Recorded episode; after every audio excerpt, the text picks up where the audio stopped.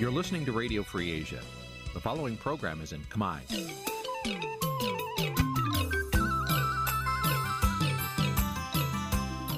នេះជាកម្មវិធីផ្សាយវិទ្យុអាស៊ីសេរីនេះជាកម្មវិធីផ្សាយរបស់ Vithu Azisari ជាភាសាខ្មែរវិទ្យុអាស៊ីសេរីសូមស្វាគមន៍លោកអ្នកនាងទាំងអស់ពីរដ្ឋធានី Washington នៃសហរដ្ឋអាមេរិកពីរដ្ឋធានី Washington នាងខ្ញុំសុជីវី សូមជម្រាបសួរលោកអ្នកនាងកញ្ញាដែលកំពុងស្ដាប់ការផ្សាយរបស់ Vithu Azizi Serai ទាំងអស់ជាទីមេត្រីយើងខ្ញុំសូមជូនកម្មវិធីផ្សាយសម្រាប់ព្រឹកថ្ងៃពុធ200ខែអាសត់ឆ្នាំខាលចត្វាស័កពុទ្ធសករាជ2566ត្រូវនឹងថ្ងៃទី12ខែតុលាគ្រិស្តសករាជ2022ជាដំបូងនេះសូមអញ្ជើញលោកអ្នកនាងស្ដាប់ព័ត៌មានប្រចាំថ្ងៃដែលមានមេត្តាដូចតទៅ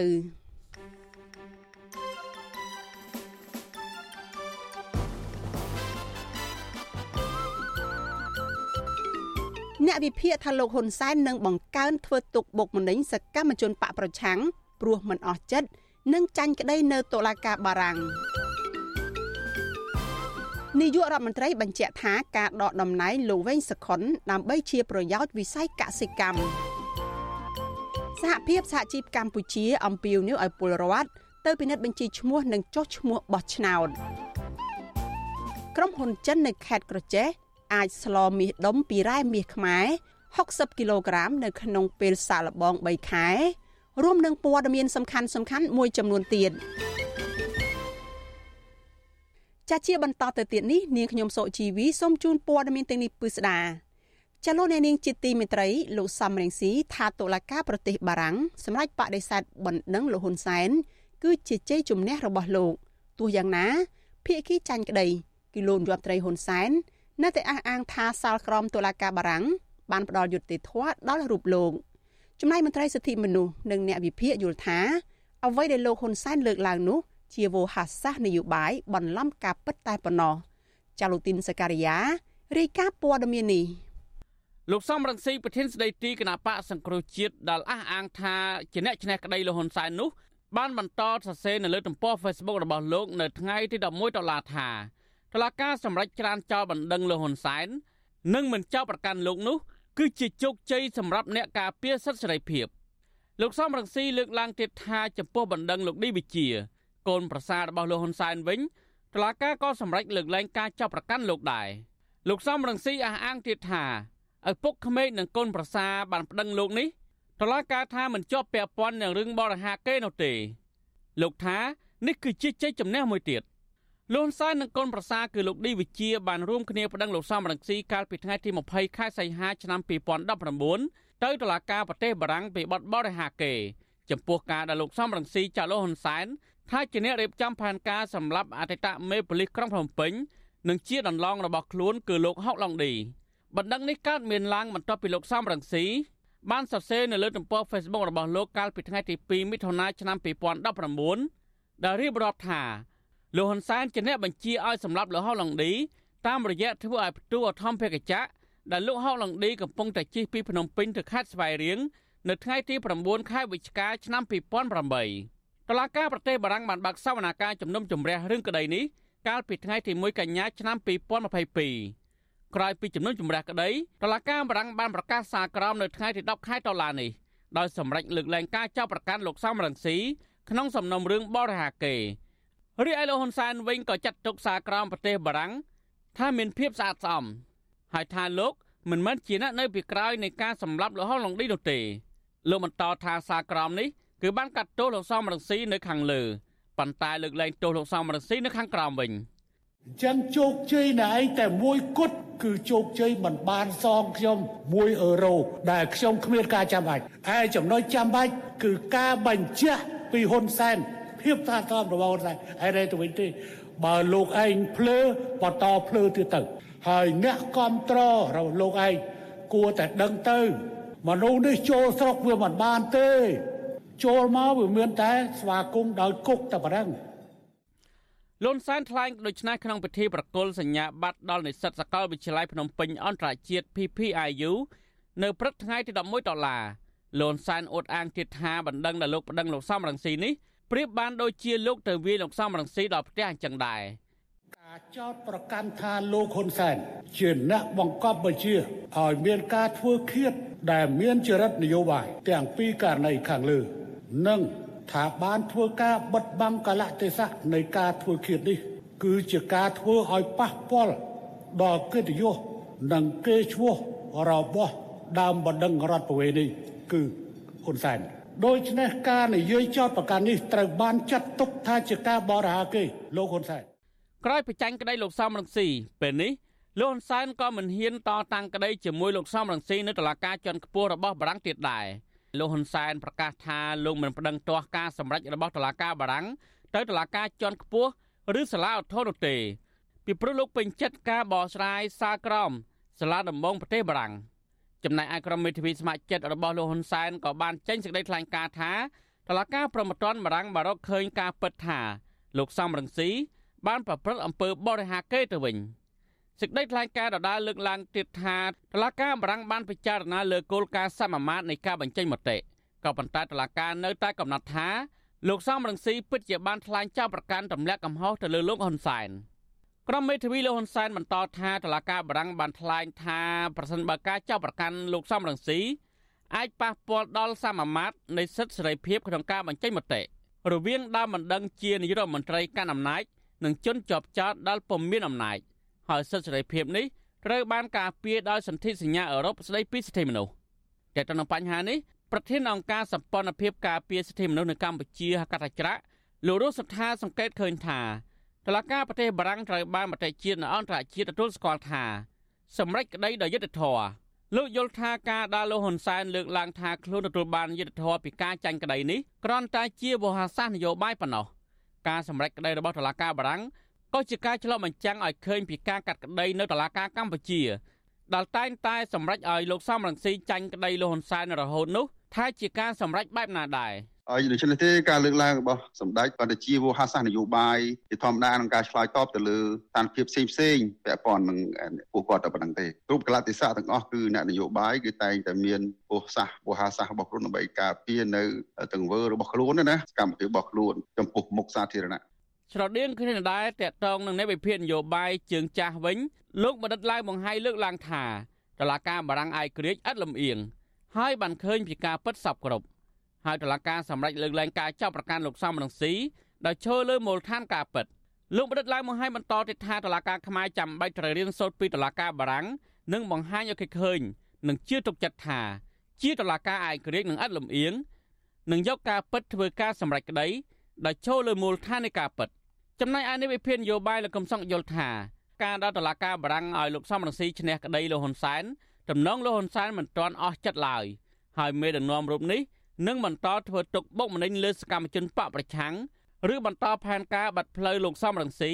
មិនឲ្យចូលស្រុកវិញបានពីព្រោះភាគីទាំងពីរសុទ្ធតែបានអ្វីដែលខ្លួនចង់បានតុលាការបារាំងបញ្ជាក់ថាលោកសំរងស៊ីមានសិទ្ធិពេញលេញក្នុងការបញ្ចេញមតិនេះជាចំណុចដែលលោកសំរងស៊ីចង់បានហើយគាត់បានមែនប៉ុន្តែតុលាការបារាំងក៏បានបង្ហាញអំពី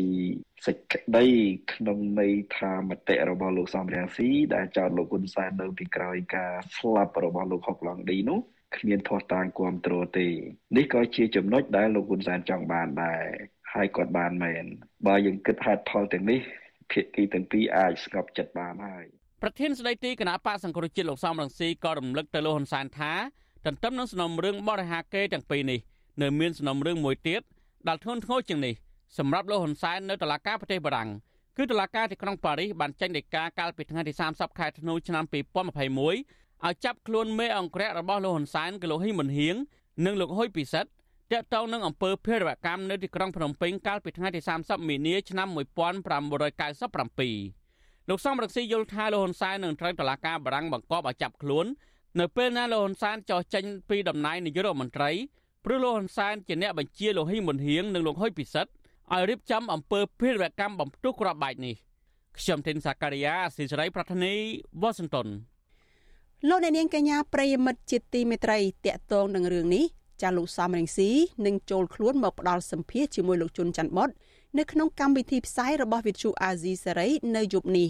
ចាសសូមអញ្ជើញលោកអ្នកនាងរងចាំស្ដាប់កិច្ចសម្ភារនេះកុំបីខាន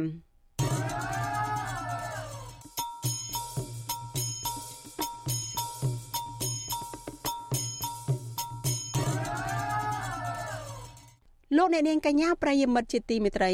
លោកអ្នកកំពុងស្ដាប់ការផ្សាយរបស់ Vithu Azizi Serai ផ្សាយចេញពីរដ្ឋធានី Washington សហរដ្ឋអាមេរិក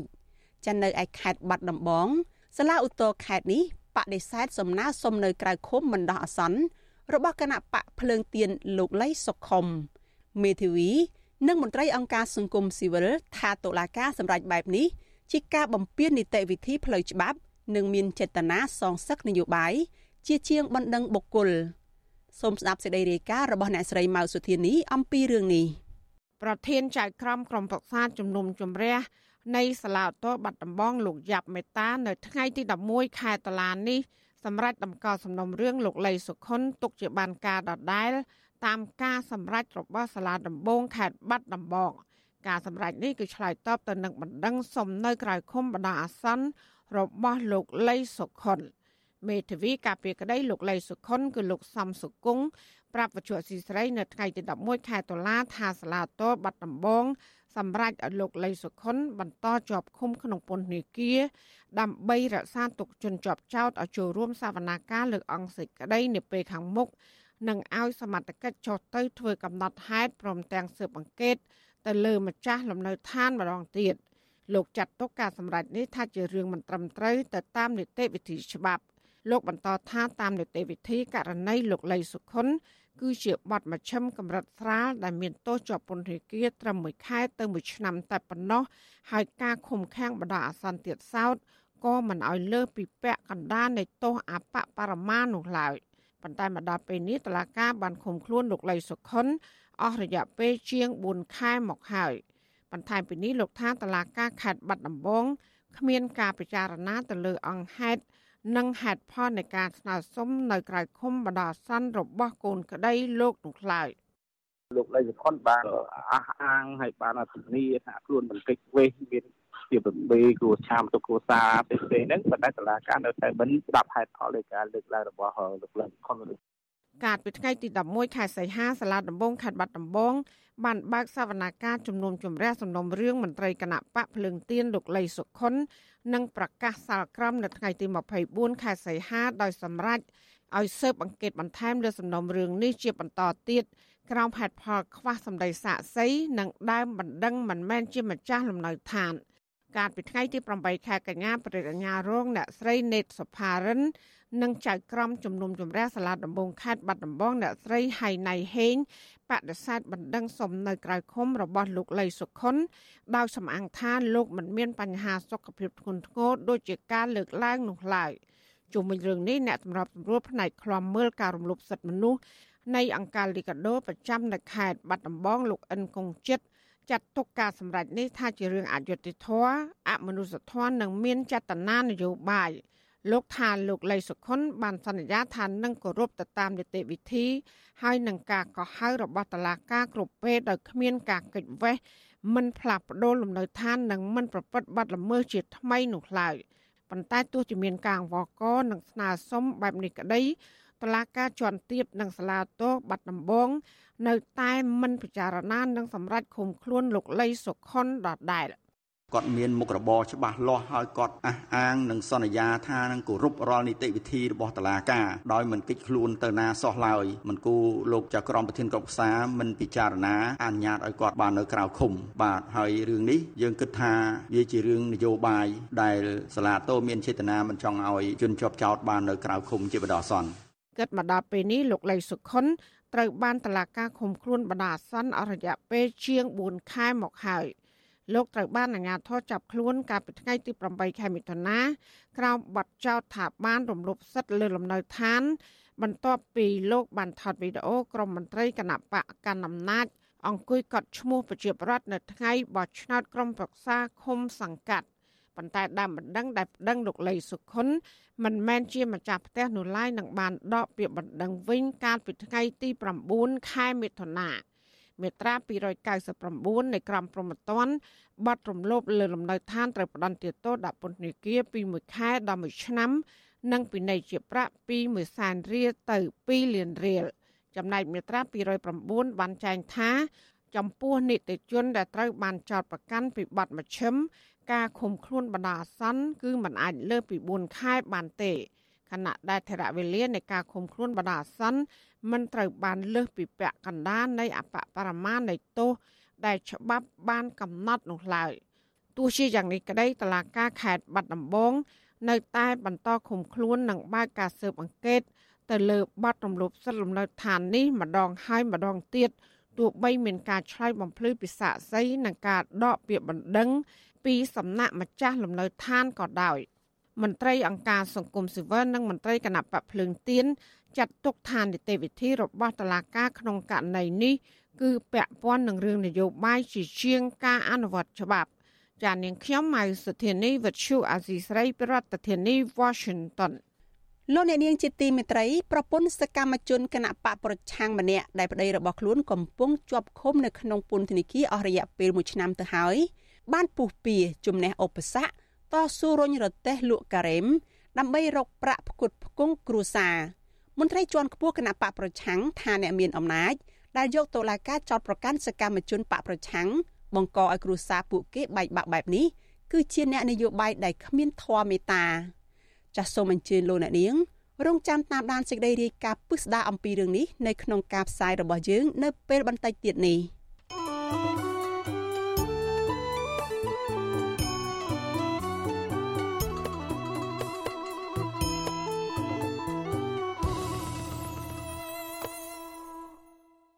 លោកអ្នកនាងប្រិយមិត្តជាទីមេត្រីចាងាកមកព័ត៌មានតកតងនឹងការបោះឆ្នោតវិញ ចាសហភាពសហជីពកម្ពុជា អំពាវនាវដល់ប្រជាពលរដ្ឋគ្រប់រូបឲ្យទៅពិនិត្យមើលបញ្ជីឈ្មោះនិងចុះឈ្មោះបោះឆ្នោតនៅតាមភូមិឃុំរបស់ខ្លួន ចាប់ពីថ្ងៃទី20ខែតុលាដល់ថ្ងៃទី8ខែធ្នូខាងមុខមន្ត្រីអង្គការសង្គមស៊ីវិលយល់ឃើញថាការអំពាវនាវនេះមានសារៈសំខាន់ក្នុងការជំរុញឲ្យពលរដ្ឋបំពេញតួនាទីរបស់ខ្លួនដើម្បីជ្រើសរើសតំណាងរបស់ខ្លួនទៅដឹកនាំប្រទេសនៅក្នុងរយៈពេល5ឆ្នាំខាងមុខទៀតចាលោកមានរិទ្ធ រាយការណ៍ព័ត៌មាននេះ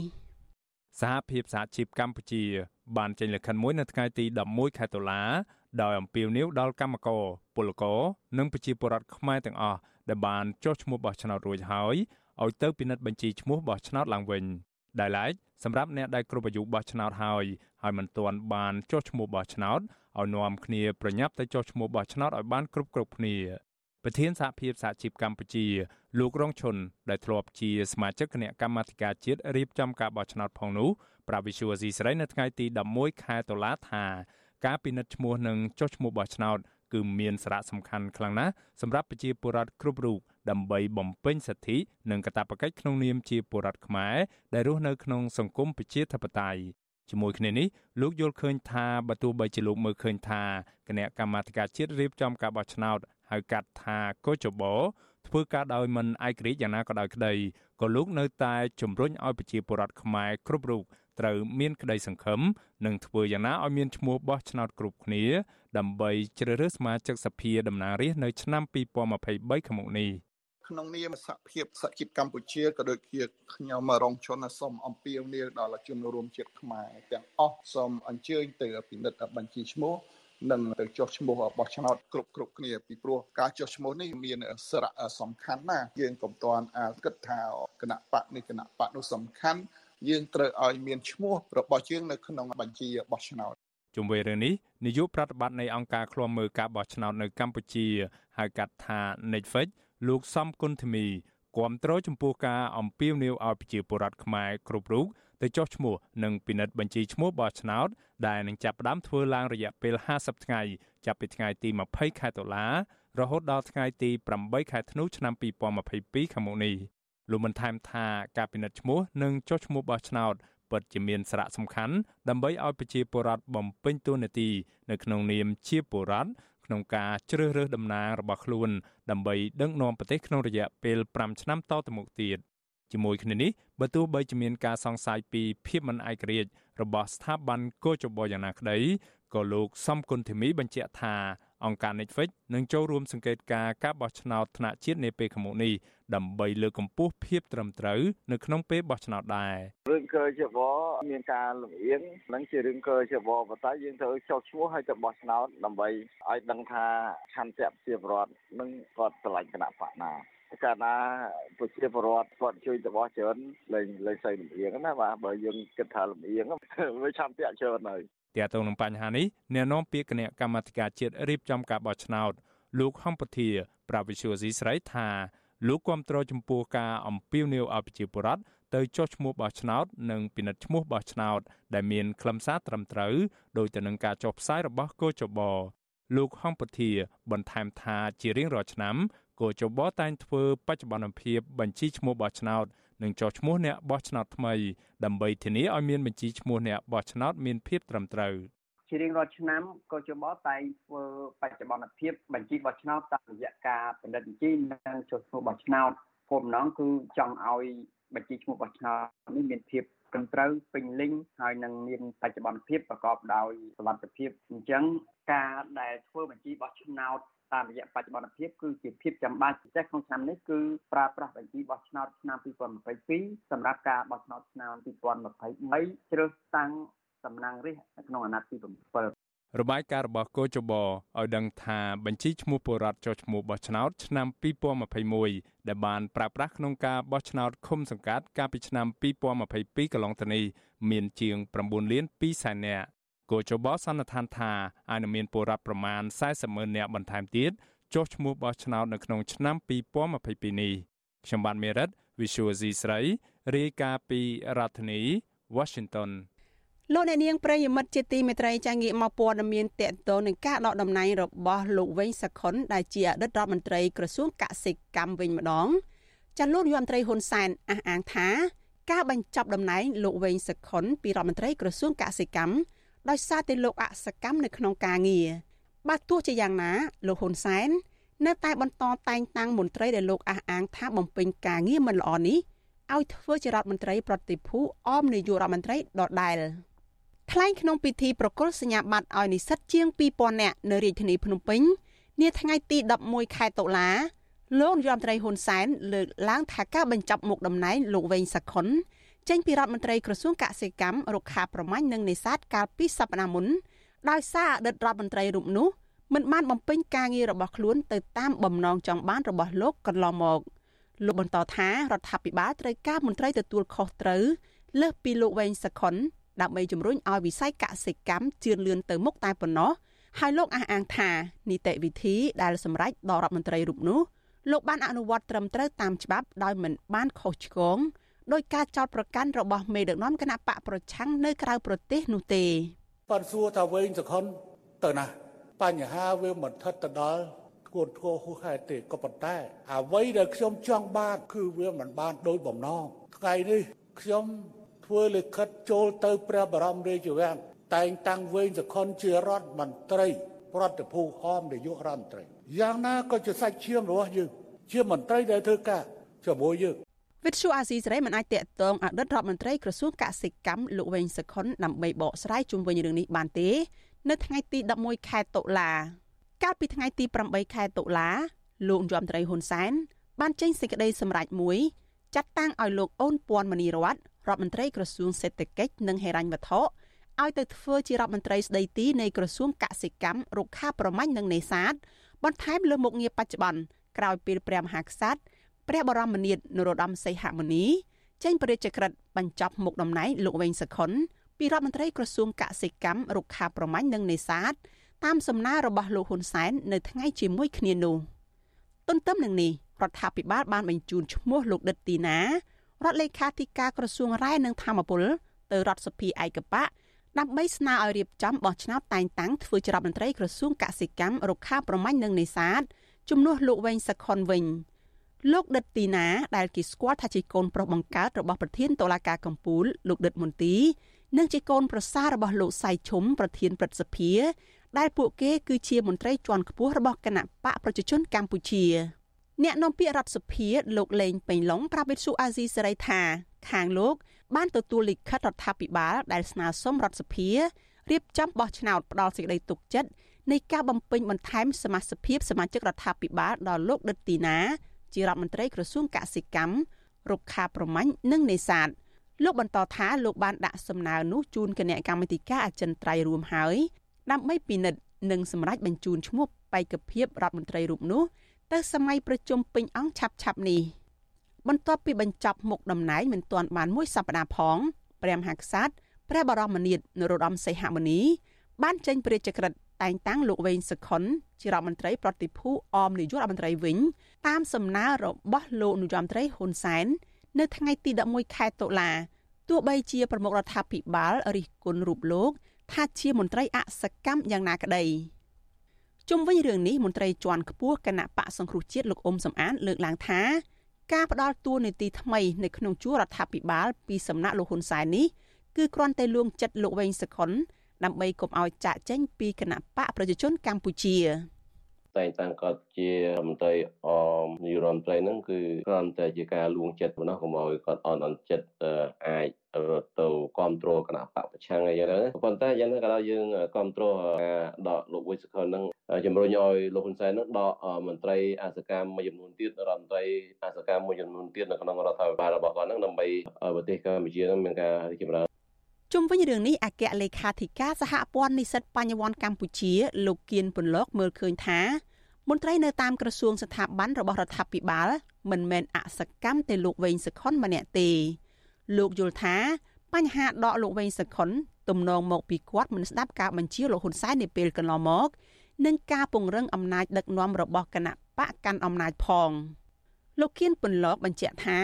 ស្ថានភាពកម្ពុជាដែលដឹកនាំប្រទេសតាមបញ្ជាបុគ្គលតែម្នាក់ទោះបីរដ្ឋាភិបាលបដូររដ្ឋមន្ត្រីថ្មីដែលមានសមត្ថភាពក៏លោកមិនសង្ឃឹមថាវិស័យកសិកម្មនឹងរីកចម្រើន ធ្វើឲ្យកសិករមានទីផ្សារពលរដ្ឋមានជីវភាពសមរម្យបានទេ ពីព្រោះរដ្ឋមន្ត្រីដែលចូលកាន់តំណែងក្រាក់ក្រាក់កន្លងមកពុំទាន់បានបង្ហាញស្នាដៃកែតម្រង់ស្ថាប័នរបស់ខ្លួនគួរឲ្យជឿជាក់ជូនពលរដ្ឋរហូតមកដល់ពេលនេះ។ លោកវែងសខុនក៏ជាមន្ត្រីគណៈបកប្រជាជនដែរហើយយើងមើលឃើញថានេះជាសញ្ញាណមួយដែលនិយាយអំពីការបែកបាក់ផ្ទៃក្នុងមួយនៅក្នុងជួររបស់គណៈបកកណ្ដាលអំណាចហើយចំពោះភាពអសកម្មនេះគឺយើងទទួលស្គាល់ចំពោះលោកវែងសខុនគឺគាត់ពិតជាអសកម្មមែនក៏ប៉ុន្តែយើងដឹងហើយថាភាពអសកម្មរបស់គាត់គឺដោយសារតែនៅពេលខ្លះគាត់មិនបានស្ដាប់អ្វីដែលលោកនាយករដ្ឋមន្ត្រីហ៊ុនសែននឹងគឺចង្អុលបង្ហាញ ស្រដៀងគ្នានេះដែរអតីតមន្ត្រីក្រសួងកសិកម្មនិងជាអ្នកជំនាញផ្នែកកសិកម្មលោកនីណាមានប្រសាសន៍ថាវិស័យកសិកម្មយ៉ាប់យ៉ឺនបានធ្វើឲ្យកសិករខ្មែររងគ្រោះជាច្រើនឆ្នាំមកហើយលោកមើលឃើញថាការដករដ្ឋមន្ត្រីចាស់ដាក់រដ្ឋមន្ត្រីថ្មីមកជំនួសមិនមែនជាដំណោះស្រាយរុញឲ្យវិស័យកសិកម្មល្អប្រសើរសម្រាប់ផលប្រយោជន៍ពលរដ្ឋនោះទេ លោកយល់ថាដំណោះស្រាយចម្បង គឺរដ្ឋាភិបាលត្រូវកំណត់ទិសដៅវិស័យកសិកម្មទៅជាវិស័យអតិភិបឡើងវិញដោយបំបត្តិអំពើពុករលួយ និងដំណើរការអនុវត្តការងាររបស់មន្ត្រីឲ្យមានប្រសិទ្ធភាព។ ការយល់របស់ខ្ញុំបើសិនជានាយករដ្ឋមន្ត្រីលោកចង់ធ្វើឲ្យវិស័យកសិកម្មរីកចម្រើនខ្ញុំគិតថារដ្ឋមន្ត្រីឬរដ្ឋលេខាធិការនៅក្នុងក្រសួងកសិកម្មដែលមានបទពិសោធន៍នៅក្នុងនឹងយូរអាចនឹងប្រម៉ូទគាត់អាចនឹងមានការធ្វើការផ្លាស់ប្ដូររចនាសម្ព័ន្ធនៅក្នុងវិស័យកសិកម្មនិងបំបត្តិអំពើពុករលួយហើយនឹងគ្រប់គ្រងដំណើរការប្រតិបត្តិការរបស់ក្រសួងទាំងមូលនឹងឲ្យធ្វើការប្រកបដោយប្រសិទ្ធភាពនឹងវិស័យកសិកម្មអាចនឹងមានការផ្លាស់ប្ដូរហើយមិនចាំបាច់ទៀមទាតតទៅត្រូវផ្លាស់ប្ដូរដល់ តំណែងរដ្ឋមន្ត្រីភ្លាមភ្លាមចឹងទេបាទក្រសួងកសិកម្មក្រោមការដឹកនាំរបស់លោកវែងសុខុនកន្លងមកធ្លាប់ទទួលរងការរិះគន់ជាច្រើនដូចជាបញ្ហាការដេញថ្លៃនាំជ្រូកចូលមកទីផ្សារក្នុងស្រុកភាពមិនប្រក្រតីដែលនាំឲ្យកើតមានបទល្មើសកាប់បំផ្លាញព្រៃលិចទឹកជុំវិញតំបន់បឹងទន្លេសាបរាប់ពាន់ហិកតា ពីសំណាក់អ្នកមានលុយមានអំណាចដើម្បីយកដីធ្វើជាកម្មសិទ្ធិផ្ទាល់ខ្លួនហើយចុងក្រោយលោកវែងសខុន ក្នុងតំណែងជារដ្ឋមន្ត្រីក្រសួងកសិកម្មក៏មានជាប់ពាក់ព័ន្ធនឹងការសម្រេចផ្ដោតដីវិនិយោគនៅតំបន់ភ្នំតាម៉ៅទៅឲ្យក្រុមហ៊ុនលេងណាវត្រាដែលឈានដល់ការឈូសឆាយបំផ្លាញព្រៃឈើមានតម្លៃរាប់រយហិកតាធ្វើឲ្យមានការរិះគន់ប្រឆាំងតវ៉ាយ៉ាងស្វិតស្វាញពីសំណាក់ប្រជាពលរដ្ឋនិងសកម្មជនបរិស្ថានពេញផ្ទៃប្រទេសទើបមានការសម្រេចពីរដ្ឋាភិបាលជាថ្មីលុបចោលគម្រោងនោះទៅវិញ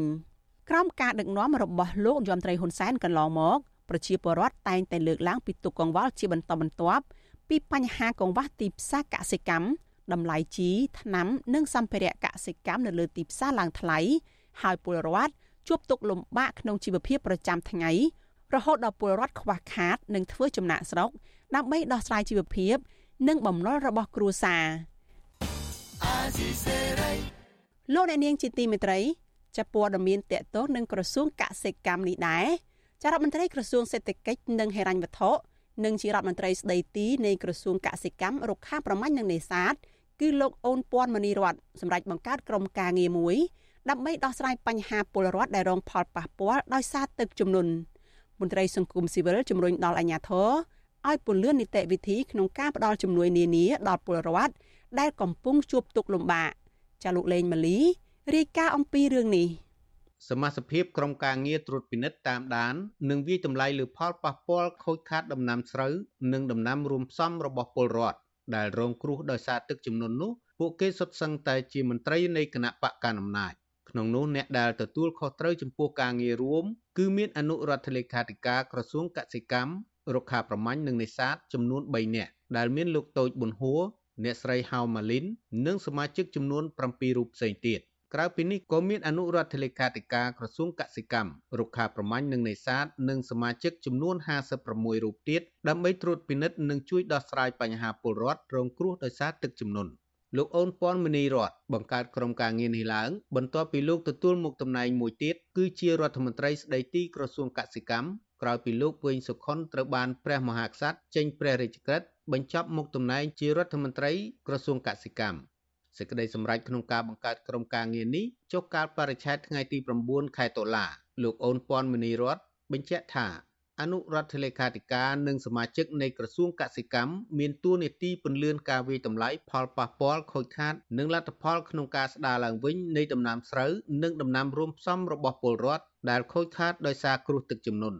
តកតងនឹងរឿងនេះដែរកសិករម្នាក់រស់នៅខេត្តឧត្តរមានជ័យគឺលោកសុគន្ធសំរិទ្ធរិះគន់ថា ការជ្រើសតាំងលោកអូនពាន់មនីរតជារដ្ឋមន្ត្រីក្រសួងកសិកម្មបណ្ដោះអាសន្នដែលមានបង្កើតក្រុមការងារជួយដោះស្រាយបញ្ហាជូនពលរដ្ឋរងគ្រោះដោយសារទឹកជំនន់នេះទំនងជាគ្មានប្រសិទ្ធភាពឡើយព្រោះលោកមើលឃើញថាប្រព័ន្ធដឹកនាំរដ្ឋបច្ចុប្បន្នមានគោលនយោបាយនិងបកតែមួយលោកឲ្យដឹងទៀតថាខេត្តឧត្តរមានជ័យមានស្រុកមួយចំនួនដូចជាស្រុកអន្លង់វែងទឹកជំនន់នៅតែបន្តហក់ឡើងខ្លាំងដែលបានបំផ្លាញផលដំណាំរបស់ពលរដ្ឋនៅតំបន់នោះជាបន្តបន្ទាប់ ប៉ុន្តែមកដល់ពេលនេះលោកមិនទាន់ឃើញមានអាជ្ញាធរណាអើពើជួយដល់ពលរដ្ឋនៅឡើយទេលោកសុគន្ធសម្រិទ្ធបន្តលើកឡើងទៀតថាជំនួសឲ្យការបង្កើតក្រុមការងារនេះរដ្ឋាភិបាលគួរមានគោលនយោបាយច្បាស់លាស់និងចាត់តាំងមន្ត្រីដែលមានឆន្ទៈពិតប្រាកដដើម្បីអភិរក្សធនធានធម្មជាតិលោកជឿជាក់ថាធនធានព្រៃឈើនិងបឹងបួរទន្លេឆ្នេរសមុទ្រដែលត្រូវបានបំផ្លិចបំផ្លាញកន្លងមកនេះជាដើមហេតុបណ្ដាលឲ្យកើតមានទឹកជំនន់កាន់តែខ្លាំង ខ្ញុំមើលឃើញថាក្រោយធនធានធម្មជាតិត្រូវបានបំផ្លាញហ្នឹងគឺវាមានធាតុអាកាសហ្នឹងគឺវាប្រែប្រួលបាទទី1គឺដល់ពេលខែវស្សាគឺទឹកចំនួនបាទទឹកចំនួនលិចផលដំណាំរបស់ប្រជាពលរដ្ឋហើយទី2ដល់ពេលរដូវហៅថារដូវប្រាំងរដូវប្រាំងដែលជាក្តៅខ្លាំងទៅវិញក្នុងការដែលថាបំផ្លាញធនធានធម្មជាតិឬក៏ដោយសារយើងបាត់បង់ធនធានធម្មជាតិនឹងហើយធ្វើឲ្យយើងមានជួបគ្រោះធម្មជាតិមកដល់ប្រជាពលរដ្ឋយើងមកដល់មនុស្សលោកទាំងមូលបាទ ជុំវិញរឿងនេះប្រធានសមាគមសម្ព័ន្ធសហគមន៍កសិករកម្ពុជា លោកថេងសាវឿនយល់ឃើញថា ការបង្កើតក្រុមការងារជួយពលរដ្ឋរងគ្រោះដោយទឹកជំនន់នេះជារឿងប្រសើរទោះជាយ៉ាងនេះក្តីលោកនៅតែស្នើដល់មន្ត្រីអាជ្ញាធរពាក់ព័ន្ធឲ្យពន្លឿននីតិវិធីក្នុងការដោះស្រាយបញ្ហាជូនពលរដ្ឋនិងរៀបចំផ្ដល់ពូជស្រូវនិងជំនួយនានាដល់ពលរដ្ឋដែលកំពុងនៅតំបន់ប្រឈមរងគ្រោះដោយទឹកជំនន់ ទី2គឺការតម្រូវការទុនបច្ចេកទេសការថាវិការជាដើមថាស្មារឡើងវិញទៅទឹកចំនួនស្របទៅអញ្ចឹងពូជតាមតោនឹងបន្លែអីហ្នឹងគឺជារឿងសំខាន់មួយដើម្បីជួយដល់កសិករក្នុងការបន្ស៊ាំដូចជាស្ថានភាពសេដ្ឋកិច្ចគាត់ឡើងវិញបាទរបាយការណ៍គណៈកម្មាធិការជាតិគ្រប់គ្រងគ្រោះមហន្តរាយកាលពីថ្ងៃទី9តុលាបានបង្ហាញថាខេត្តសៀមរាបមានស្រុកចំនួន9បានរងផលប៉ះពាល់ដោយទឹកជំនន់និងប៉ះពាល់ដំណាំស្រូវ ជាង32,000ហិកតាហើយមានប្រជាពលរដ្ឋជាង25,000គ្រួសារដោយក្នុងនោះដំណាំស្រូវរងការបំផ្លិចបំផ្លាញមានជិត3,000ហិកតាចំណែកខេត្តកំពង់ធំ មានដំណាំស្រូវសរុបជិត30,000ហិកតារងផលប៉ះពាល់គណៈផលស្រូវដែលខូចខាត មានជិត10,000ហិកតា ហើយមានពលរដ្ឋជាង15,000គ្រួសារ កាលពីថ្ងៃទី8តុលាលោកនាយករដ្ឋមន្ត្រីហ៊ុនសែនបង្ហាញរបាយការណ៍របស់គណៈកម្មាធិការជាតិគ្រប់គ្រងគ្រោះមហន្តរាយថាចំនួនទឹកភ្លៀងបានជន់លិចឃុំចំនួនជិត800នៃខេត្តចំនួន22ដែលមានជាអាចដូចជាខេត្តបន្ទាយមានជ័យបាត់ដំបងពោធិ៍សាត់សៀមរាបកំពង់ធំ និងខេត្តព្រះវិហារជាដើមលោកហ៊ុនសែនបញ្ជាក់ថាដំណាំស្រូវជាង150,000ហិកតា និងដំណាំរួមផ្សំផ្សេងទៀតជាង40000ហិកតាត្រូវបានជន់លិច ហើយហេដ្ឋារចនាសម្ព័ន្ធមួយចំនួនខូចខាតនិងប៉ះពាល់ដល់ការសិក្សារបស់សិស្សានុសិស្សខ្ញុំបាទលេងម៉ាលីវិទ្យុអស៊ីសេរីរាយការណ៍ពីរដ្ឋធានី Washington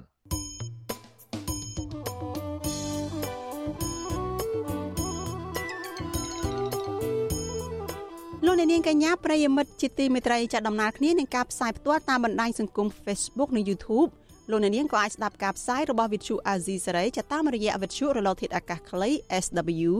តាមកម្រិតនិងកម្ពស់ដូចតទៅនេះពេលព្រឹកចាប់ពីម៉ោង5កន្លះដល់ម៉ោង6កន្លះ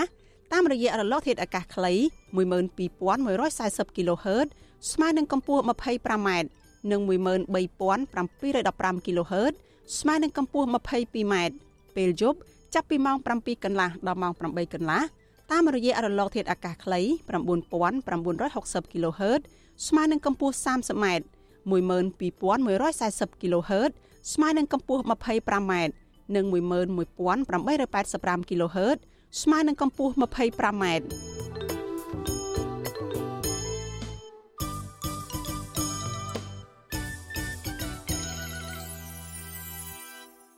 លោកអ្នកនាងកញ្ញាប្រិយមិត្តជាទីមេត្រីលោកអ្នកកំពុងតែតាមដានស្ដាប់ការផ្សាយរបស់វិទ្យុអាស៊ីសេរីផ្សាយចេញពីរដ្ឋធានី Washington សហរដ្ឋអាមេរិកចាសសេចក្តីរាយការណ៍ពីប្រទេសថៃឯណោះឲ្យដឹងថាពលករខ្មែរមួយចំនួនដែលកំពុងធ្វើការនៅក្នុងប្រទេសថៃងាកមកប្រកបរបរលក់ដូរម្ហូបអាហារខ្មែរនំចំណីនិងភេសជ្ជៈទឹកអំពៅដើម្បីបានប្រាក់ចំណូលបង្គួរសម្រាប់ដោះស្រាយជីវភាពចិញ្ចឹមកូនបានរៀនសូត្រ ពួកគាត់លើកឡើងថា ពីមុនធ្វើកម្មករគេ រកប្រាក់ចាយស្ទើរមិនគ្រប់តែឥឡូវមកលក់ដូរដោយខ្លួនឯងជីវភាពបានធូរធារជាងមុនចាសសូមស្ដាប់សេចក្តីរាយការណ៍របស់លោកសនច័ន្ទរដ្ឋាអំពីរឿងនេះកម្មករខ្មែរមួយចំនួននៅប្រទេសថៃដែលពីមុនធ្លាប់ធ្វើជាកម្មករសំណង់និងកម្មកររោងចក្ររកប្រាក់ផ្គប់ផ្គង់គ្រួសារមិនបានក៏ងាកមកលក់ដូរម្ហូបអាហារខ្មែរទឹកក្រឡុកនិងបុកល្ហុងជាដើមបានប្រាក់ចំណូលសមរម្យ ហើយផ្ញើប្រាក់ទៅឲ្យកូននៅកម្ពុជាបានចូលសាលារៀនគ្រប់គ្រប់គ្នាប្រកខ្មែរទៅនិយាយថាពួកគេមិនចង់ត្រឡប់ទៅកម្ពុជាវិញទេដោយសារនៅប្រទេសថៃងាយស្រួលរកស៊ីបើទោះជាបងថ្លៃធ្វើឯកសារហើយបងថ្លៃប្រាក់ប្រចាំខែឲ្យប៉ូលីសមួយចំនួនក៏ដោយក៏ពួកគាត់នៅតែរកប្រាក់បានគ្រាន់បើដើម្បីសន្សំផ្ញើឲ្យក្រុមគ្រួសារឪពុកម្ដាយនិងស្រុកកំណើតបានខ្លះដែរពលករនីប្រកបរបរលក់បាយម្ហូបនៅបង្អែមខ្មែរនៅផ្សារមួយនៅជីក្រុងបាងកកដែលមានស្រុកកំណើតខេត្តបន្ទាយមានជ័យលោកស្រីម៉ាក់ហ៊ីង និយាយទាំងដៃកំពុងហាន់ទំពាំងសម្រាប់ស្លលក់ពេលយប់ថាតាំងពីលោកស្រីនិងប្តីឈប់ធ្វើជាកម្មករលើកដាក់បន្លាយឲ្យជនជាតិថៃមកក៏ងាកមកធ្វើបាយម្ហូបនៅម្អែមខ្មែរលក់ឲ្យពលករខ្មែរធ្វើឲ្យជីវភាពគ្រួសារលោកស្រីមានប្រាក់ចំណូលសមរម្យហើយអាចផ្ញើលុយឲ្យកូនទាំង3នាក់ចូលរៀនសូត្របានគ្រប់គ្រាន់លោកស្រីបន្តថាបាយម្ហូបលោកស្រីភ ieck ច្រើនមានតែកម្មករខ្មែរដែលធ្វើការនៅក្នុងផ្សារមកទិញដោយសារក្នុងផ្សារនេះមានកម្មករខ្មែរធ្វើការប្រមាណ10000នាក់ លោកស្រីបន្ថែមថាបើទោះបីជារកលុយបានក្នុងមួយថ្ងៃប្រមាណ2000បាតដែលស្មើនឹងជាង50ដុល្លារក៏ដោយក៏លោកស្រីទៅចំណាយលើថ្លៃបន្តសុពលភាពទៅទៅការក្នុងមួយឆ្នាំទាំងប្តីទាំងប្រពន្ធប្រមាណ30000បាតឬស្មើប្រមាណ880ដុល្លារហើយត្រូវបង់ថ្លៃឲ្យប៉ូលីសមួយចំណាយទៀតផងវាគ្រាន់យើងមុននោះព្រោះយើងពីដើមមកយើងមកធ្វើការវិញយើងបាក់តែ តែនេះយើងវាមួយយូរទៅយើងយើងគ្រាន់យើងមុនអូនបានចាំកូនកូនរៀនកូនរៀនទាំង3នាក់អូនបានចាំកូនរស់បាក់ជាពាកគីយើងបានរស់ធម្មតាបាក់ជាពាកគីបាក់អីមកស្រុកគីគាត់ថាយើងវាបេកកូនបេកម៉ែអីចឹងណាអូនចាវាគ្រាន់ជាងមុនតែអូនយើងវាបានចាំកូនបបោយើងវាអត់មករៀនស្រដៀងគ្នានេះដែរពលករខ្មែរម្នាក់ទៀតដែលជាអ្នកលក់បុកលហុងនឹងទៅអំពើនៅផ្សារមួយនៅជីក្រុងបាងកកមានស្រុកកំណើតនៅក្រុងប៉ោយប៉ែតលោកដានពិសីនិយាយបណ្ដាដៃបុកលហុងឲ្យភ្ញៀវបណ្ដា ថាលោករកប្រាក់ចំណូលបានមួយថ្ងៃប្រមាណ4000បាតឬស្មើនឹង110ដុល្លារដែលធ្វើលោកមានប្រាក់គ្រប់គ្រាន់សម្រាប់ផ្ញើទៅផ្គប់ផ្គង់ឪពុកម្ដាយនៅកម្ពុជាលោកបន្តថាលោកធ្លាប់ធ្វើជាកម្មករសំណង់កម្មកររោងចក្រនិងស៊ីឈ្នួលធ្វើការងារផ្សេងៗទៀតតែបានប្រាក់ចំណូលមិនគ្រប់គ្រាន់សម្រាប់ដោះស្រាយជីវភាពគ្រួសារទេទើបលោកងាកមកលក់ដូរតិចតួចហើយអាចរកប្រាក់ចំណូលបានប្រសើរជាងមុនលោកបន្ថែមថាការលក់ដូរបានដោយសារលោកបងប្រាក់ឲ្យប៉ូលីសថៃក្នុងមួយខែ3000បាត ឬស្មើប្រមាណ88ដុល្លារបើដឹងធ្វើអីដល់ខ្មែរអត់ដឹងធ្វើអីហងគេតែមកលក់ទៅបើនៅខ្មែរអាចបានយើងនៅយើងនៅយើងអាចទៅរកបានទីទួតទីទួតចឹងណាបើយើងនៅខ្មែរចឹងវាវាវាមេព្រៀងផងអីផងខែនេះវារកអត់ទៅបានចឹងចឹងយកមកលក់នេះទៅយើងរកបានជាងយើងនៅខ្មែរខ្មែរយើងអត់មានទីផ្សារនៅនេះយើងនៅផ្សារចំទៅអាចទៅលក់បាននេះបានចឹងវិទ្យុអេស៊ីសេរីមិនតន់តែតតងសុំការថាតបាយពីបញ្ហានេះពីស្ថានទូតកម្ពុជាប្រចាំប្រទេសថៃបានឡើយទេ នៅល្ងាចថ្ងៃទី10ខែតុលាដោយទូរស័ព្ទហៅចូលតែគ្មានអ្នកទទួលជុំវិញរឿងនេះមន្ត្រីគម្រោងនៃមជ្ឈមណ្ឌលសម្ព័ន្ធភាពការងារនិងសិទ្ធិមនុស្សអង្គការសង្ត្រាវលោកលឹងសុផុនលើកឡើងថាពលករខ្មែរបដូរមុខរបរមលក់ដូរចំណីអាហារបន្តិចបន្តួចធ្វើឲ្យសេដ្ឋកិច្ចគ្រួសារប្រកបកាន់តែល្អប្រសើរលោកបន្តថាពលករខ្មែរដែលលក់ដូរទៅនេះក៏ត្រូវមានឯកសារស្របច្បាប់នៅក្នុងប្រទេសថៃដែរដោយសារច្បាប់ការងារក្នុងប្រទេសថៃតម្រូវជនបរទេសដែលមករកស៊ីត្រូវធ្វើទៅតការ បើសិនបើគាត់លក់លក្ខណៈថាយើងធ្វើដោយមិនមានមិនមានថកែត្រឹមត្រូវច្បាស់លាស់បើសិនជាថ្ងៃណាមួយតម្រួតឬក៏បលិសតាមតំបន់តាមកន្លែងគាត់ចាប់ឬក៏ដើរទៅជួបប្រទេសឬក៏សួរនាំអីអត់មានឯកសារត្រឹមត្រូវអីអាហ្នឹងគេផាកតាមគេផាកតាមតាមច្បាប់ការងារណាបាទគេអាចគេអាចចាប់យើងបញ្ជូនទៅប្រទេសកំណើតវិញឬក៏គេបញ្ឈប់មិនឲ្យធ្វើការងារតអញ្ចឹងឬក៏គេផាកពិន័យតាមច្បាប់ការងារហ្នឹងឯងពលករខ្មែរ ដែលប្រកបរបរលក់ដូរនៅផ្សារមួយនៅជាក្រុងបាងកកឲ្យដឹងថាមានពលករខ្មែរដែលធ្វើការជាកម្មករលើកដាក់បន្លែផ្លែឈើនិងលក់ដូរឲ្យតកែថៃប្រមាណ10000នាក់ក្នុងនោះមានពលករខ្មែរលក់ដូរដោយខ្លួនឯងប្រមាណ200នាក់ពលករខ្មែរដែលលក់ដូរដោយខ្លួនឯងភ ieck ច្រើនពួកគាត់មានជីវភាពធូរធារជាងពលករខ្មែរដែលធ្វើការជាកម្មករឲ្យតកែជនជាតិថៃខ្ញុំសនចាររថាវិទ្យុអេស៊ីសេរីរាយការណ៍ពីរដ្ឋធានីវ៉ាស៊ីនតោន លោកអ្នកនាងកញ្ញាប្រិយមិត្តជាទីមេត្រី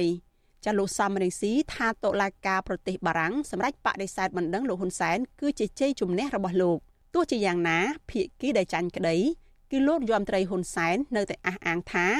សាលក្រមតុលាការបារាំងបានផ្ដល់យុត្តិធម៌ដល់រូបលោកចំណែកមន្ត្រីសិទ្ធិមនុស្សនិងអ្នកវិភាគយល់ថាអ្វីដែលលោកហ៊ុនសែនលើកឡើងនោះជាវោហារសាស្ត្រនយោបាយបន្លំការពិតតែប៉ុណ្ណោះ។ ចាតកតងរឿងនេះលោកសំរងស៊ីនឹងចូលមកដល់បទសម្ភាសមួយជាមួយលោកជុនច័ន្ទបុតនៅយប់ថ្ងៃពុធនេះចាសសូមអញ្ជើញលោកអ្នកនាងរងចាំតាមដានកិច្ចសម្ភាសនេះកុំបីខានចាសសូមអរគុណ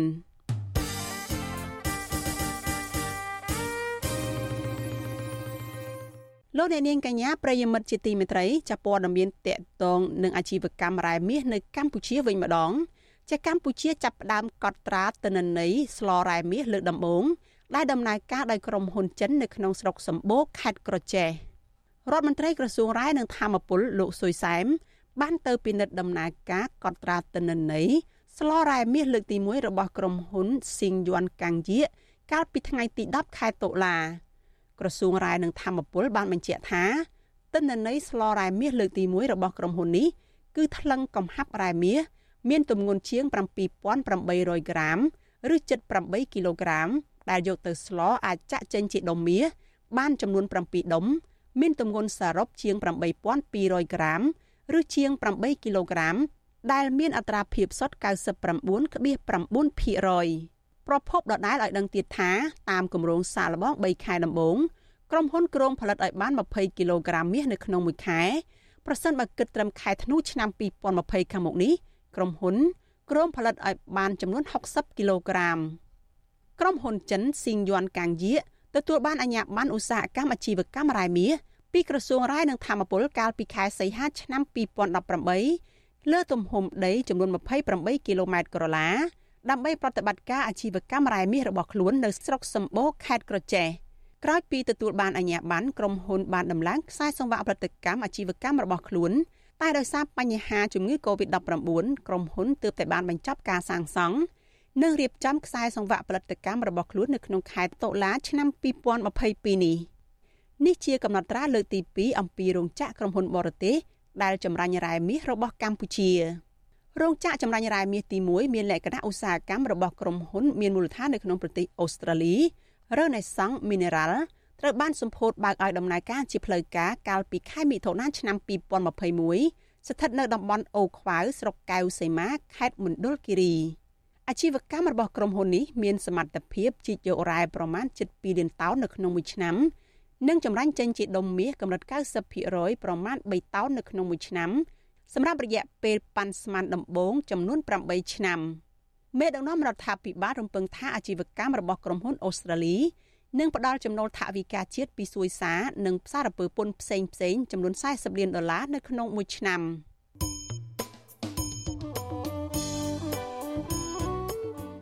ចាលោកអ្នកនាងជាទីមេត្រីនៅក្នុងឱកាសនេះដែរនាងខ្ញុំសូមថ្លែងអំណរគុណដល់លោកអ្នកនាងកញ្ញាទាំងអស់ដែលតែងតែមានភក្ដីភាពចំពោះការផ្សាយរបស់យើងហើយចាត់ទុកការស្ដាប់វិទ្យុអាស៊ីសេរីនេះគឺជាផ្នែកមួយនៃសកម្មភាពប្រចាំថ្ងៃរបស់លោកអ្នកនាងចាការគ្រប់គ្រងរបស់លោកអ្នកនាងនេះហើយដែលធ្វើឲ្យយើងខ្ញុំកាន់តែមានទឹកចិត្តខ្លាំងថែមទៀតក្នុងការស្វែងរកព័ត៌មាននិងផ្តល់ព័ត៌មានពិតជូនលោកអ្នកនាងចាំមានអ្នកស្ដាប់ មានអ្នកទស្សនាកាន់តែច្រើនកាន់តែធ្វើឲ្យយើងខ្ញុំមានភាពស្វាហាប់មោះមុតជាបន្តទៅទៀតយើងខ្ញុំសូមអរគុណទុកជាមុនហើយសូមអញ្ជើញលោកអ្នកនាងកញ្ញាចូលរួមជំរុញឲ្យសកម្មភាពផ្សព្វផ្សាយព័ត៌មានរបស់វិទ្យុអាស៊ីសេរីនេះចាកាន់តែជោគជ័យបន្ថែមទៀតចាលោកអ្នកនាងអាចជួយយើងខ្ញុំបានដោយគ្រាន់តែចុចចែករំលែកការផ្សាយរបស់វិទ្យុអាស៊ីសេរីចានៅលើបណ្ដាញសង្គម Facebook និង YouTube ទៅកាន់មិត្តភ័ក្តិរបស់លោកអ្នកនាង ចាដើម្បីឲ្យការផ្សាយរបស់យើងនេះបានទៅដល់មនុស្សកាន់តែច្រើន ចាសូមអរគុណ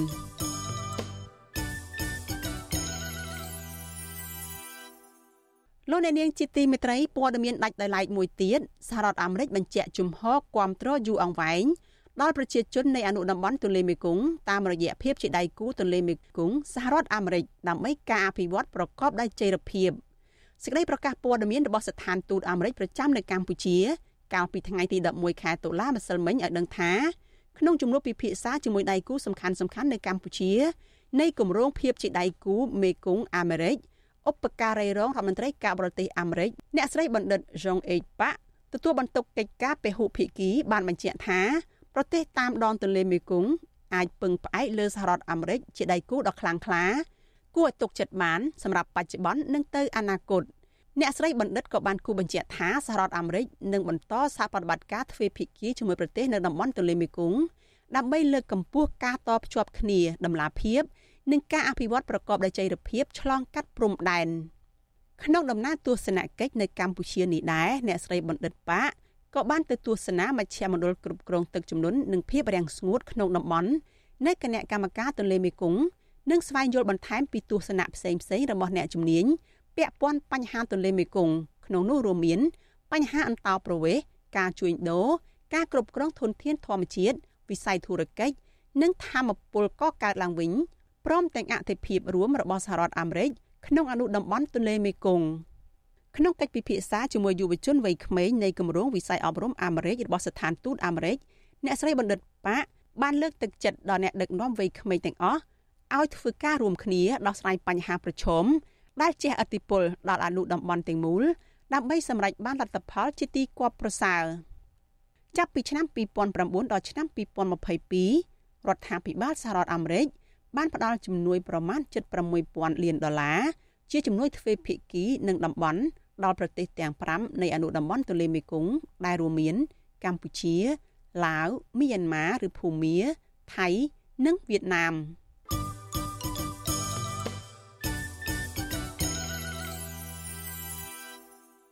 ចលនានាងជាទីមេត្រីមហាសន្និបាតអង្គការសហប្រជាជាតិកាលពីថ្ងៃអង្គារទី11ខែតុលាម្សិលមិញបានបោះឆ្នោតទទួលយកប្រទេសវៀតណាម ជាសមាជិកថ្មីនៃក្រុមប្រឹក្សាសិទ្ធិមនុស្សបើទោះបីជាមានការព្រួយបារម្ភពីសហគមន៍អន្តរជាតិថាវៀតណាមបច្ចុប្បន្នមិនបានគោរពតាមស្តង់ដារសិទ្ធិមនុស្សអន្តរជាតិសហព័ន្ធខ្មែរកម្ពុជាក្រោមនិងអង្គការសិទ្ធិមនុស្សអន្តរជាតិមួយចំនួន បានអំពាវនាវឲ្យឯកអគ្គរដ្ឋទូតនិងតំណាងប្រទេសជាសមាជិកអង្គការសហប្រជាជាតិកុំបោះឆ្នោតគាំទ្របេក្ខភាពប្រទេសវៀតណាមឲ្យធ្វើជាសមាជិកក្រុមប្រឹក្សាសិទ្ធិមនុស្សអង្គការសហប្រជាជាតិអង្គការសិទ្ធិមនុស្សទាំងនោះលើកឡើងថាប្រទេសវៀតណាមបន្តរំលោភសិទ្ធិមនុស្សធ្ងន់ធ្ងរទៅលើពលរដ្ឋខ្លួនឯងនិងជនជាតិដើម ដែលជាម្ចាស់ស្រុករួមមានពលរដ្ឋខ្មែរក្រោមជាដើម ប្រធានសហព័ន្ធខ្មែរកម្ពុជាក្រោមលោកប្រាក់សេរីវុឌ្ឍប្រាប់វិទ្យុអាស៊ីសេរីថាសហព័ន្ធនឹងបន្តតាមដានការអនុវត្តសិទ្ធិមនុស្សរបស់រដ្ឋាភិបាលវៀតណាមលោកបន្តថាប្រសិនបើវៀតណាមបន្តរំលោភសិទ្ធិមនុស្សពលរដ្ឋខ្មែរក្រោមនោះសហព័ន្ធនឹងដាក់ពាក្យប្តឹងទៅអង្គការសហប្រជាជាតិក្រុមប្រឹក្សាសិទ្ធិមនុស្សអង្គការសហប្រជាជាតិជាស្ថាប័នអន្តរជាតិក្នុងប្រព័ន្ធអង្គការសហប្រជាជាតិដែលមានតួនាទីដើម្បីពង្រឹងលើកដំកើង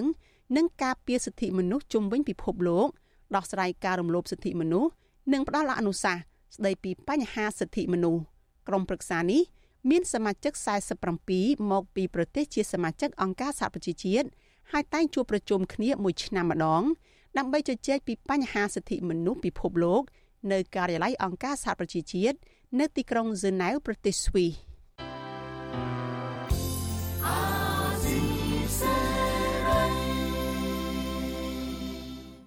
លោកអ្នកនាងជាទីមេត្រីលោកអ្នកកំពុងតែស្ដាប់ការផ្សាយរបស់វិទ្យុអាស៊ីសេរីចាប់ប្រពន្ធសកម្មជនគណៈបកប្រឆាំងដែលប្តីរបស់ខ្លួនកំពុងជាប់ឃុំនៅក្នុងពន្ធនាគារអស់រយៈពេល1ឆ្នាំទៅហើយបានពុះពៀជំនះឧបសគ្គតស៊ូរុញរទេះលក់ការ៉េមដើម្បីបានប្រាក់ផ្គត់ផ្គង់គ្រួសារមន្ត្រីជាន់ខ្ពស់បកប្រឆាំងថាអ្នកមានអំណាចដែលយកតុលាការចោទប្រកាន់សកម្មជនបកប្រឆាំងបង្កឲ្យគ្រួសារគេបែកបាក់បែបនេះគឺជាអ្នកនយោបាយដែលគ្មានធម៌មេត្តា ចាលោកយុនសមៀនរាយការណ៍អំពីរឿងនេះ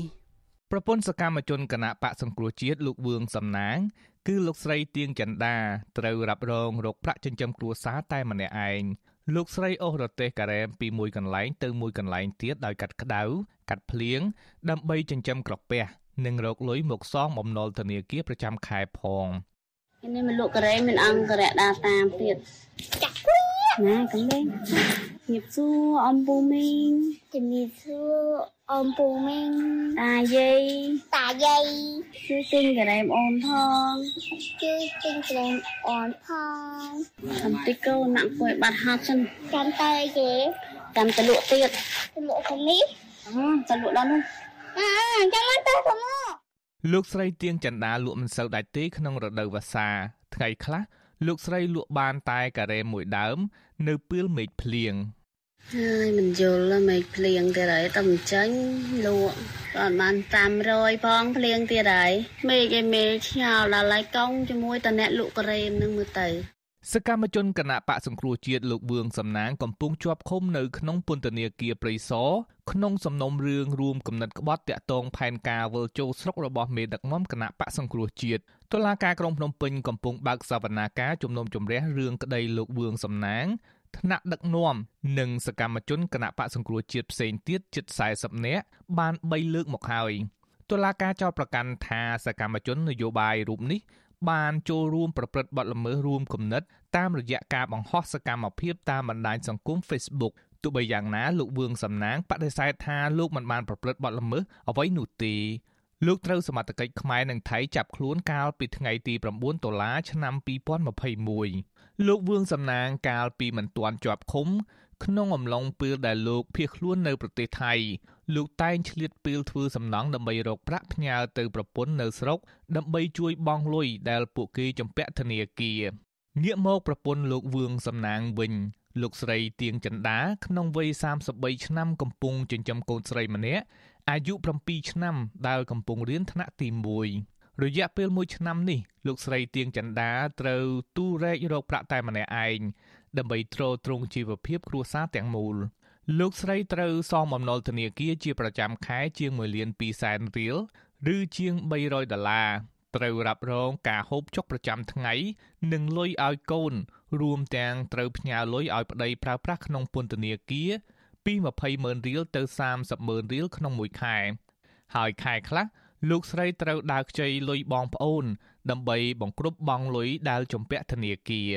មុខរបរវាតិចតួចប្រាក់ចំណូលវាអត់គ្រប់នឹងប្រាក់ចំណាយអញ្ចឹងវាពិបាកដោយសារខ្ញុំត្រូវចំកូនខ្ញុំត្រូវចំប្តីក្នុងពន្ធនាគារខ្ញុំត្រូវបង់លុយធនាគារដែលខ្ញុំស្ពាក់ទេអញ្ចឹងវាពិបាកវាអត់គ្រប់ហ៎បងគឺការទៅដល់ថ្ងៃបង់យើងសុំពជាពេលធនាគារ អត់ទាន់មានលុយគ្រប់ហើយទៅខ្ចីគេខ្ចីលិចខ្ចីកើតឥឡូវខ្ចីនឹងចង់វ៉ាន់កអស់ហើយហើយមិនទាន់មានលុយសងគេផងលោកស្រីទៀងចន្ទាប្រាប់ថាកូនស្រីតែងសួររកឪពុកប៉ុន្តែលោកស្រីលួចសម្រក់ទឹកភ្នែកនិងកុហកកូនស្រីថាប្តីលោកស្រីពេលនេះកំពុងធ្វើការលោកស្រីឲ្យដឹងថាពេលសមត្ថកិច្ចបញ្ជូនប្តីលោកស្រីមកតុលាការទាំងដៃជាប់ខ្នោះកូនស្រីលោកមិនដឹងថានោះជាខ្នោះទេ ដោយនាងប្រាប់លោកស្រីថាប៉ាពាក់កងដៃធំណាស់កូនឆ្ងល់កូនសួរថាប៉ាធ្វើការអីធ្វើការមួយប៉ូលីសហើយនឹងទៅកូនឃើញប៉ាជាប់ខ្នោះកូនសួរប៉ាថាប៉ាប៉ាអឺប៉ាប៉ានឹងអីគេមិនបានប៉ាប៉ាពាក់កងដៃវាហៅហ្នឹងកងដៃវាមិនហៅខ្នោះវាអត់ស្គាល់ថានឹងអីគេបន្លំទៅថាប៉ាប៉ាធ្វើការមួយប៉ូលីសកូនប៉ាប៉ាទៅធ្វើការហើយកូនឯងមកចិត្តម៉ាក់មកកំដៅចិត្តប៉ាប៉ាប៉ាចោលរវល់ធ្វើការគឺ ទុកទឹកភ្នែកអត់បានដែរបងពេលណាដែលកូនសួរថាសួរត្រង់ថាសួរប៉ាប៉ាថាប៉ាប៉ាដៃប៉ាប៉ាចាប់អីប៉ាប៉ាពាក់កងដៃប៉ាប៉ាផកូនអត់រួចទេ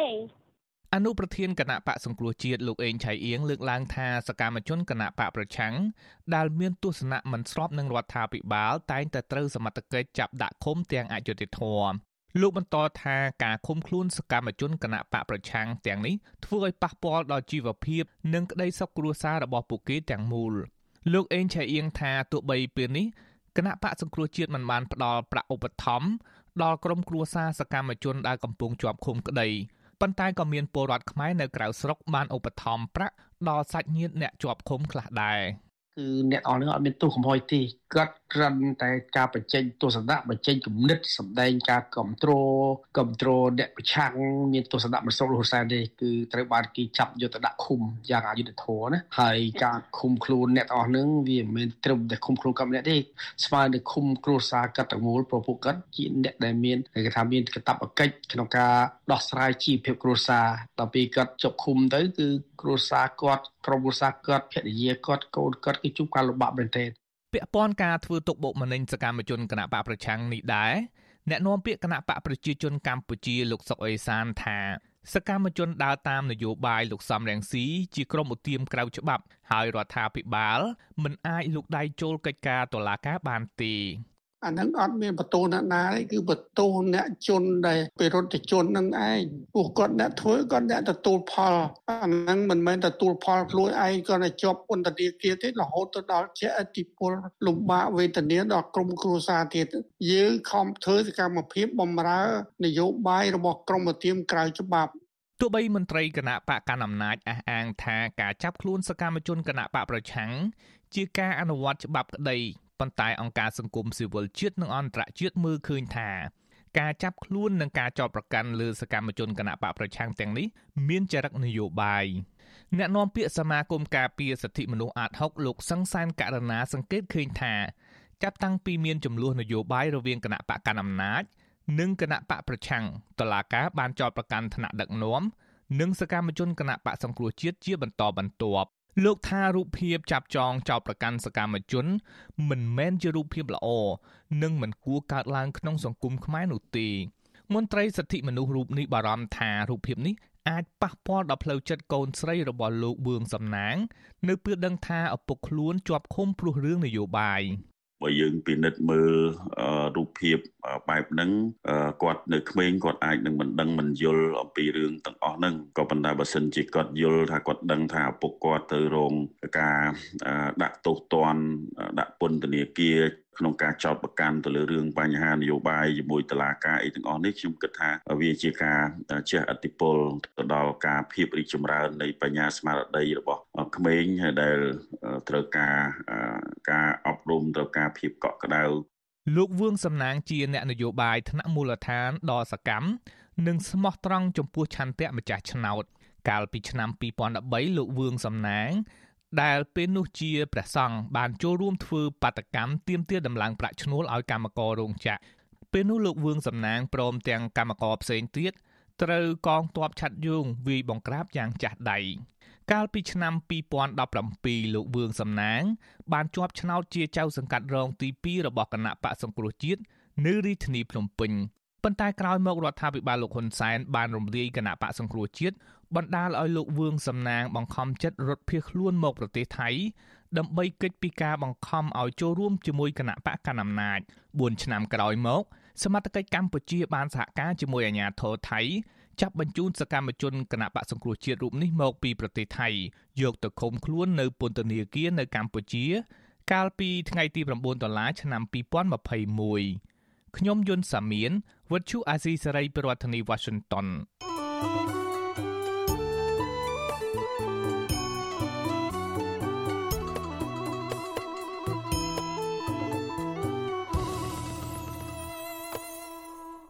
លោកអ្នកនាងកញ្ញាប្រិយមិត្តជាទីមេត្រីចាការផ្សាយរយៈពេល1ម៉ោងរបស់វិទ្យុអាស៊ីសេរីជាភាសាខ្មែរនៅព្រឹកនេះចប់ត្រឹមតែប៉ុណ្ណេះ ចានេះខ្ញុំសុជីវីព្រមទាំងក្រុមការងារទាំងអស់នៃវិទ្យុអាស៊ីសេរីចាសសូមអរគុណនិងសូមជម្រាបលា